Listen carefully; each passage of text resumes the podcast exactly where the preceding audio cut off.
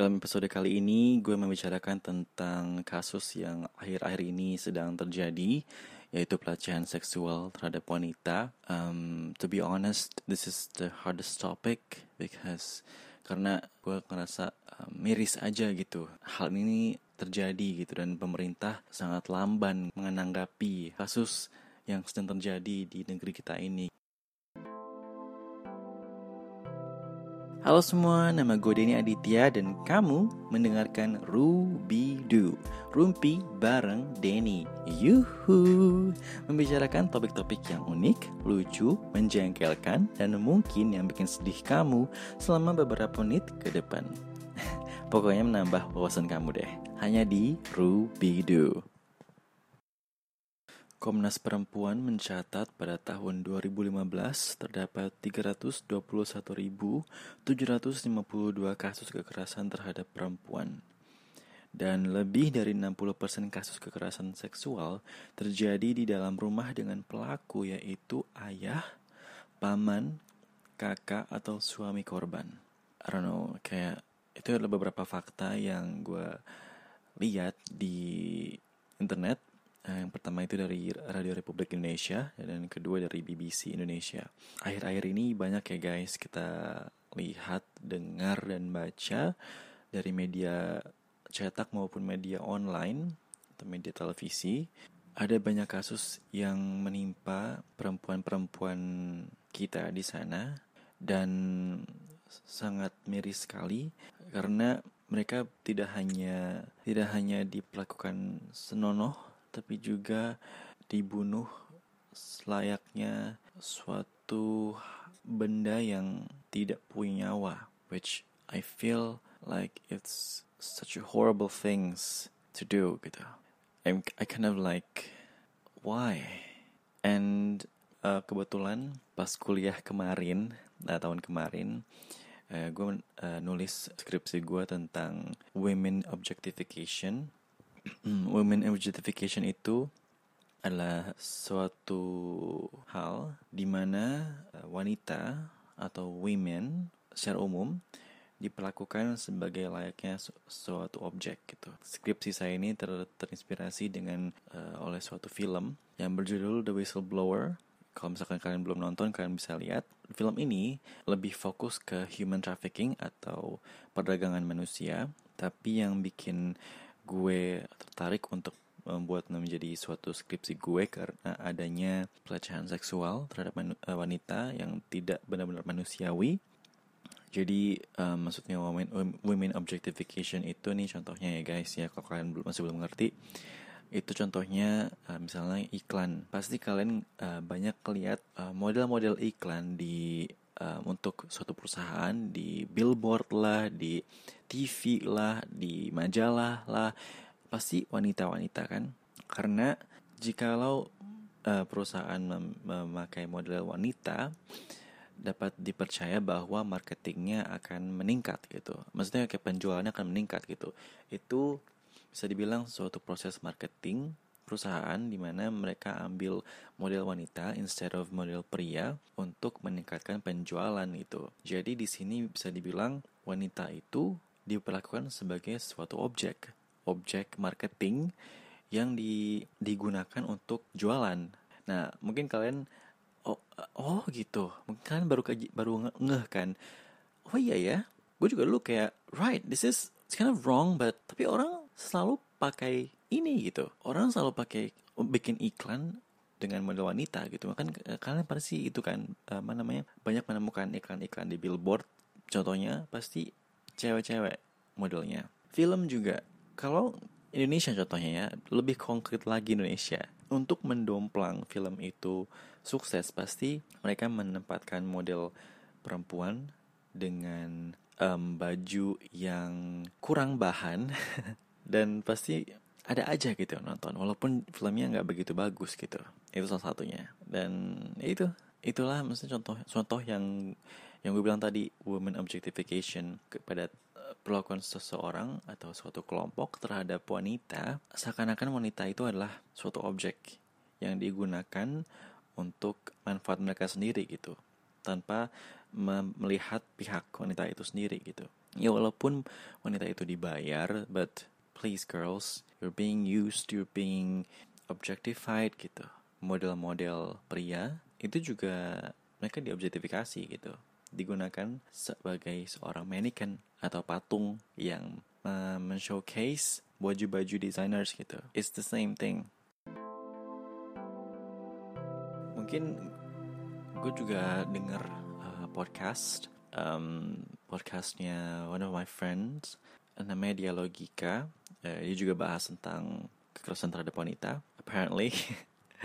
Uh, no no wait. Uh, gue nggak nggak copy copy topik mereka ya cuma gue denger sekilas.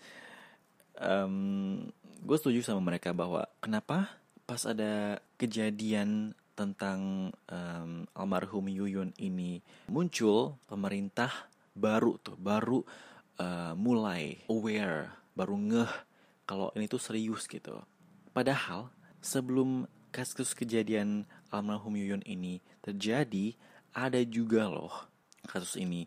Uh, sebelum-sebelumnya mungkin karena kasus ini sangat besar media mulai tertarik untuk mengangkatnya gitu. Dari BBC kan muncullah ke media lain tersebar. Bahkan media yang gue pakai yang pas untuk skripsi The Whistleblower kasusnya juga sama guys. Um, tapi kasusnya ini kenapa um, dia itu um, The Whistleblower uh, orang yang uh, mengungkapkan uh, kejadian ini di tempat settingnya di Herzegovina di Eropa dia mengungkapkan suatu kasus di sana. Dia ini adalah apa namanya pegawai UN, uh, polisi, uh, dia seorang wanita namanya Kate. Gue lupa pemerannya ya ampun. Dia mengungkapkan bahwa ada suatu um, human trafficking yang dilakukan oleh mitra-mitra kerjanya di sana. So you know, obviously, jadi pelakunya adalah polisi-polisi dan international international officials yang bertugas di sana gitu. Jadi, walaupun si Kate ini, the whistleblower ini, um, sudah tahu akan kejadian ini, dia tidak tahu gimana untuk melaporkan. Karena setiap official, setiap uh, polisi yang bekerja secara internasional ke luar negeri, mereka akan mendapatkan suatu immunity atau um, apa namanya suatu situasi di mana mereka tidak bisa dipenjarakan atau dihakimi karena mereka sedang bertugas ke luar negeri. Apa pun itu yang ia, lakukan, uh, sejahat apa pun mereka tidak bisa dihakimi gitu guys. Jadi si Kate ini nggak tahu gitu kan gimana caranya. Nah temannya yang supportnya itu yang di sana teman si Kate suggest dia untuk laporkan ke media. Nah in real life di kasus yang terjadi di Indonesia saat apa tuh saat-saat ini medialah yang berperan sangat penting. Media is really strong tool gitu menurut gue ya. Karena media sangat digunakan di man, di setiap hari di mana pun kapan pun kan? Karena itulah gitu. Lantas kasus ini sudah terjadi gitu. Gimana sih mencegahnya? Banyak um, bisa apa tuh dipercaya bahwa banyak korban-korban pelecehan seksu seksual tidak berani untuk uh, melaporkan karena mereka tidak tahu bagaimana cara melaporkannya, mereka tidak tahu uh, ke mana mereka harus melapor dan juga ke, mereka takut akan adanya ancaman-ancaman dari si pelaku. Kenapa takut? Mereka takut karena mereka tidak punya hukum atau undang-undang yang dapat melindungi mereka gitu. Dan ada ya apa namanya berita-berita di luar sana di media bahwa salah satu jalan keluar menurut menurut mereka ya, menurut uh, pemerintah dan menurut pelaku hukum salah satu jalan keluar untuk menghukum atau mengadili si pelaku adalah dengan mengkebiri secara kimia. This is not right thing to do. Ya, mungkin kalau dilihat dari sisi korban dan sisi pelaku, pelaku memang harus di, dihukum seberat-beratnya. Ya, betul gitu karena kalau kor korbannya sudah benar-benar apa namanya secara secara psikologi dia udah psikologinya udah mulai turun gitu kan udah mulai berubah. Dan dipercaya bahwa dan juga bisa dibilang kebanyakan korban pelecehan seksual itu susah untuk menerima keadaan yang ia telah yang yang telah terjadi gitu. Mereka akan takut untuk keluar takut untuk sosialisasi tapi untuk si kor uh, pelaku untuk dihukum kebiri it's no it's not the right thing to do. Karena menurut gua secara maybe because I I, I don't really experience it. Jadi gue kayak I feel like mengkebiri doang itu it's not enough. That's how I'm gonna put it. Mengkebiri pelaku pelecehan seksual itu nggak cukup I think ya. Dan menetapkan lamanya penjara secara se selama 15 tahun atau 20 tahun itu juga tidak cukup gitu. Kenapa sih nggak um, memberikan mereka pelaku uh, pelecehan seksual itu kurungan penjara sel se selamanya? Dengan itu kan mereka nggak akan keluar-keluar, dengan itu mereka nggak akan melakukan hal itu lagi gitu kan? Kenapa nggak begitu, ya kan? Kenapa nggak semua pelaku nggak usah dikebiri, just put them in jail like forever dan sembari itu sembari mereka dikurung uh, di jail di penjara mereka direhabilitasi dibimbing dan diarahkan ke jalan yang benar gitu kan? It's quite nicer. Selain itu mungkin menurut gue untuk mencegah hal yang terjadi untuk atau mencegah, mengurangi um, kasus ini terjadi lagi mungkin wanita-wanita di sana bisa belajar apa namanya melindungi diri sendiri karena kan gue tahu udah banyak ya cewek cewek-cewek di sana yang suka muay thai lah. Banyak juga gue lihat ada uh, latihan pencak silat itu ada banyak yang cewek-cewek yang ikut gitu kan. Why don't you do that gitu untuk mencegah hal itu terjadi gitu. Karena kalau kalian udah bisa jaga diri there won't be any um, sexual assault gitu. Kalian akan terjaga gitu dan kalau misalkan kalian belum cara untuk membela apa menjaga diri sendiri why don't you apa namanya itu uh, bawa itu kayak di film-film kan teaser yang alat yang untuk electrocute yang mempunyai tegangan tinggi listrik gitu kan. By that bring wherever you go atau nggak spray spray yang bikin mata perih it's quite nice gitu lo bawa eh jangan bawa senjata tajam aja kali it's dangerous bring something that would um, protect you but don't make you also uh, apa namanya penjahat juga gitu. Just teaser atau spray it's okay gitu. Karena itu untuk um, jaga diri sendiri gitu kan. Hmm. kalau untuk anak yang di bawah umur itu menurut gue harus ada guidance bimbingan dari orang tua gitu. Dari sekarang diajarin dong ya untuk orang-orang tua gitu diajarin anak-anaknya untuk jangan percaya sama orang yang belum dikenal ya.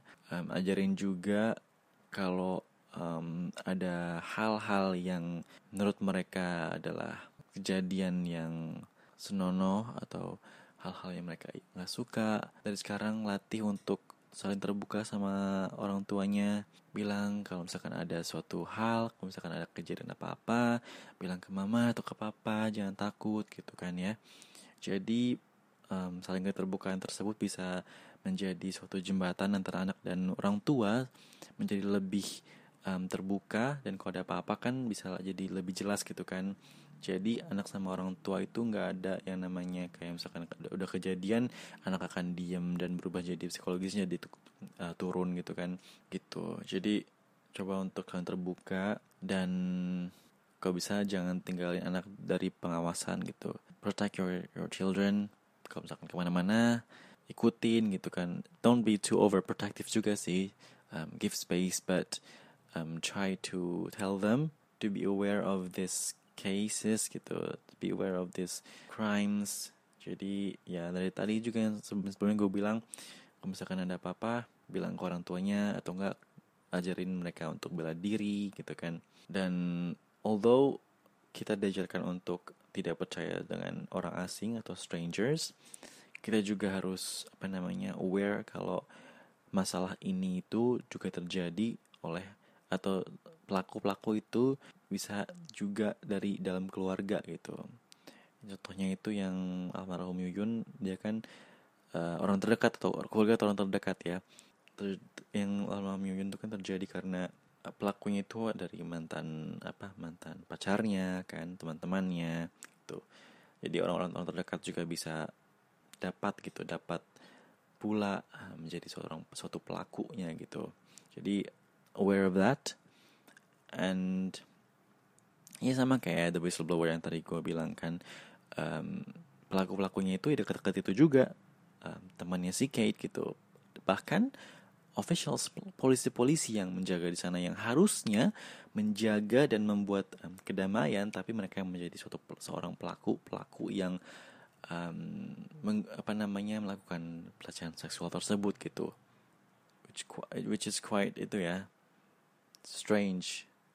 Kayak maksudnya apa itu kan mereka ditugaskan untuk um, bertugas untuk menjaga kedamaian, menjaga uh, lokal orang-orang lokal di sana untuk tidak ada hal itu terjadi lagi gitu.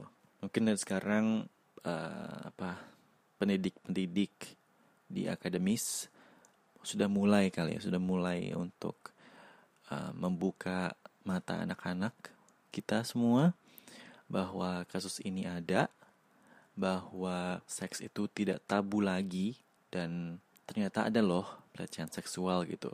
Mungkin dari mungkin dari membuka mata anak-anak kita sejak dini dapat mengurangi apa namanya kasus ini dapat membuat mereka sadar bahwa ini ada, membuat mereka aware gitu. Dari sini mereka pasti sudah mulai apa namanya menjaga diri kan, sudah mulai bertanya-tanya itu apa sih itu apa sih dan peran orang tua juga sudah ada jadi peran orang, peran orang tua sudah mulai um, konkret lagi gitu untuk menjaga anak-anaknya gitu untuk uh, mengarahkan anak-anaknya ke uh, apa namanya ke jalan yang benar gitu untuk mendidik yang lebih baik lagi gitu.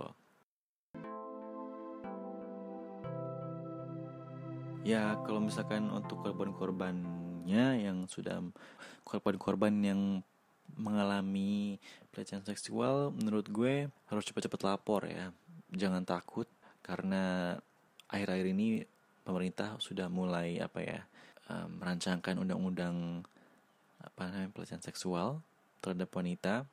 Um, kalau misalkan kalian ter merasa terintimidasi terhadap pelakunya, mereka kalian um, dapatkan ancaman-ancaman, jangan takut, cari orang yang mau apa namanya mau mendengarkan cerita kamu, cari orang-orang yang menurut kamu bakal mendukung kamu untuk uh, melindungi kamu. Cari juga komunitas-komunitas atau organisasi-organisasi yang bisa melindungi kamu gitu. Banyak uh, possibilities dan kamu harus yakin kamu harus percaya bahwa ada jalan keluar. Kamu punya hak. Mungkin um, di sekolah-sekolah ada harus harus ada kali ya um, kayak tempat khusus untuk um, pelaporan hal-hal hal-hal seperti ini gitu. Misalnya, gue dulu sekolah pernah ada yang namanya ruang BK, ruang bimbingan konseling. Mungkin kalian siswa-siswa uh, orang-orang yang masih sekolah yang mengalami hal ini, uh, kalian mungkin merasa dilecehkan secara seksual oleh teman-teman atau oleh oleh guru mungkin.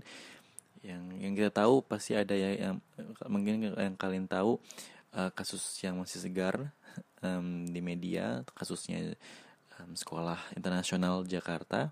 Mungkin yang siswa-siswa siswa-siswi sekolah bisa melaporkan ke bimbingan konseling. Kalian bisa konsultasi ke sana bisa langsung melaporkan jangan takut gitu kan.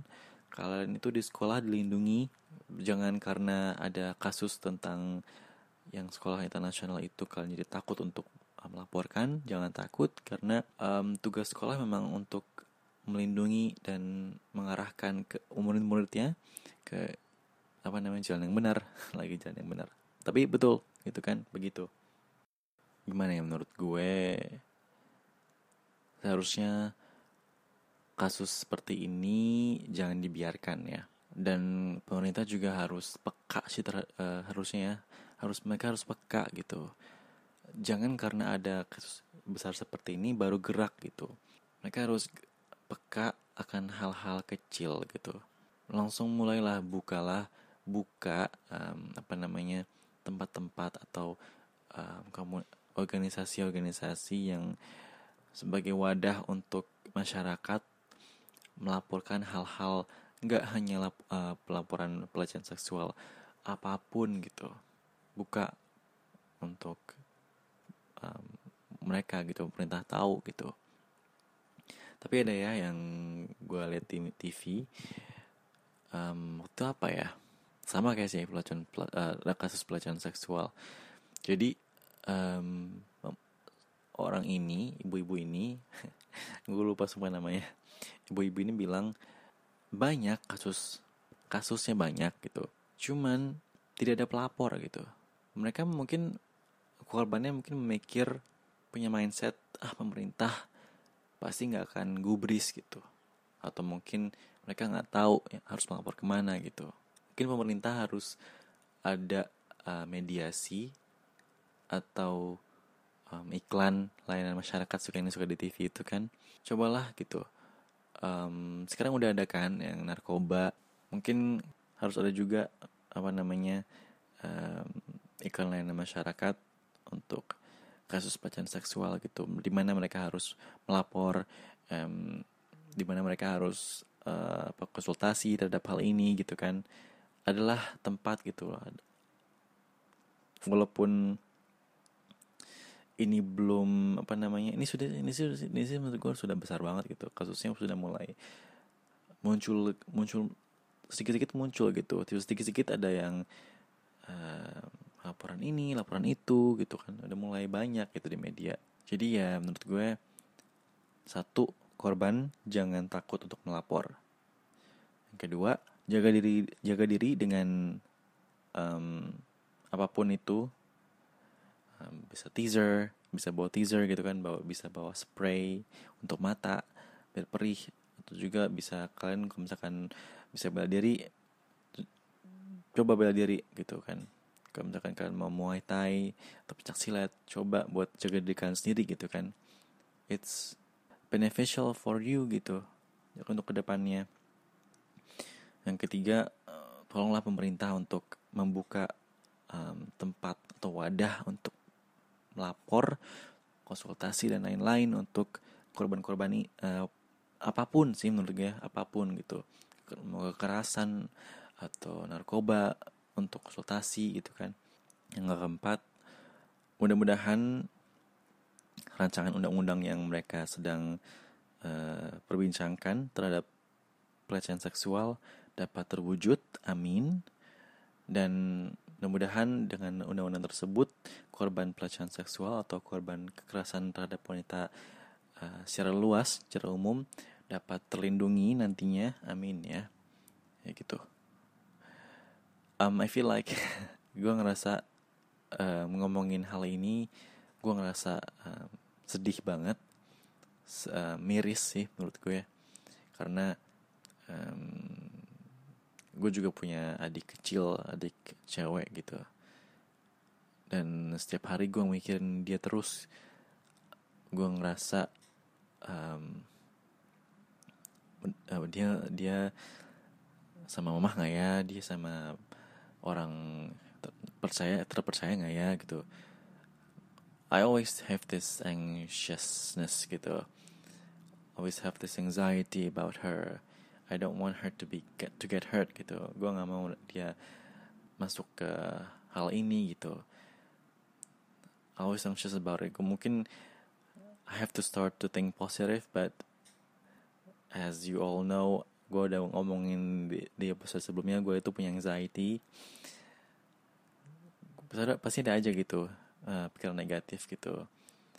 Dan pasti aja pasti ada aja situasi di mana gue selalu sedih dan nangis kalau misalkan gue uh, mikirin adik perempuan gue ini.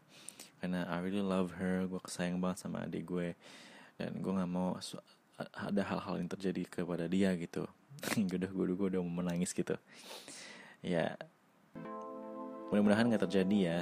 Apa pun kesemuanya mudah-mudahan hal ini bisa dikurangin. Hal ini hal pelecehan seksual ini bisa uh, berkurang ke depannya. Dan um, semua perempuan-perempuan di Indonesia tidak ada yang um, tidak harus apa namanya cemas akan hal ini lagi ke depannya gitu. Amin